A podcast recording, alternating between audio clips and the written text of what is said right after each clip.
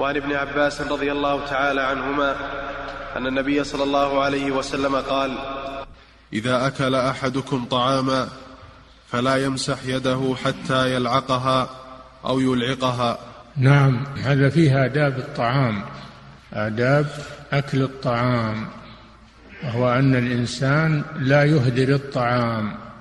حتى الذي يعلق في يده من الطعام لا يهدره. ويمسحه بالمنديل أو يغسله بالغسالة بل يلعق يده يلعقها بلسانه بحيث لا يبقى عليها طعام ثم يمسحها بالمنديل بعد ذلك أو يغسلها بالغسالة. إذا لم يبق إلا دهونات أو أشياء عالقة باليد ولا يحصل منها يتحصل منها شيء ما يتحصل وإنما هي آثار طعام. لا بأس أن يمسحها أو أن أو أن يغسلها بالغسالة. أما إذا كان على يده طعام فإنه لا يجوز له أن يهدره أو يغسله بالغسالة ويذهب مع النجاسات أو يمسحه بالمنديل يهدر هذا فيه احترام الطعام وعدم إهدار شيء منه. فأين الذين يعملون الولائم الضخمة ولا يوكل منها إلا اليسير والباقي يهدر ويوضع في المزابل أو في مقام البلدية؟ هذا إسراف وتبذير وإهدار للنعمة ويخاف على الناس من العقوبة لأن النعم إذا لم تشكر فإنها تسلب.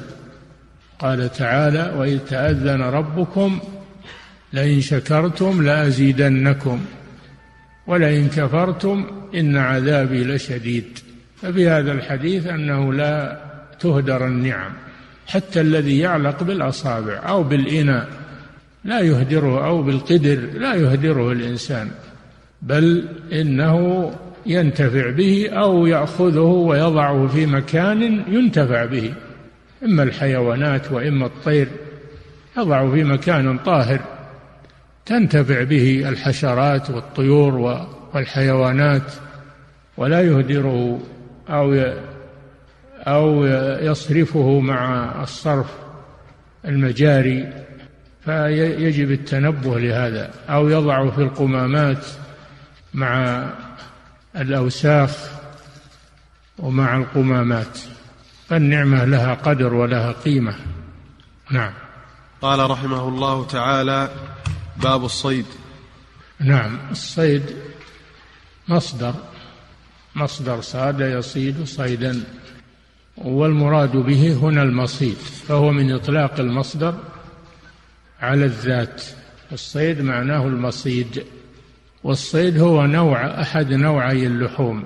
اللحوم إما أن تكون مذكاة وهي المقدور عليها فلا بد من تذكيتها وإما أن تكون غير مقدور عليها فذكاتها باصطيادها زكاتها باصطيادها.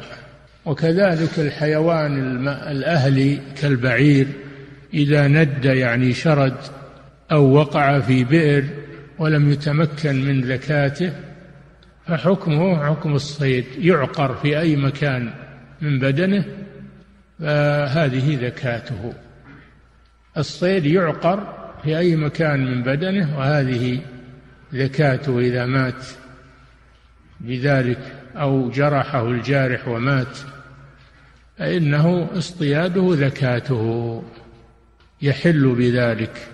قال تعالى فكلوا مما أمسكن عليكم واذكروا اسم الله عليه. وما علمتم من الجوارح مكلبين تعلمونهن مما علمكم الله. فكلوا مما أمسكن عليكم واذكروا اسم الله عليه. يعني عند إرسال الجارح وهو الطير أو الكلب أو إرسال السهم إرسال السهم من الرمية يسمي عند ذلك فإذا أصابه وقتله فهو حلال بشرط أن يكون الصيد بشرط أن يكون الجارح الكلب معلما الكلب يكون معلما على الصيد ومدربا على الصيد ويصيد لصاحبه ولا يصيد لنفسه. هذا التدريب. التدريب إنه إذا أمسك لا يأكل لأنه مدرب. فهذا يحل. كلوا مما أمسكنا عليكم واذكروا اسم الله عليه. هذا هو الصيد. من من أجل إنه لا يقدر عليه يباح أكله بالاصطياد. فذكاته بالاصطياد بإصابته في أي موضع من بدنه. ويشترط له شروط. سيأتي بيانها إن شاء الله. في هذا الباب. نعم.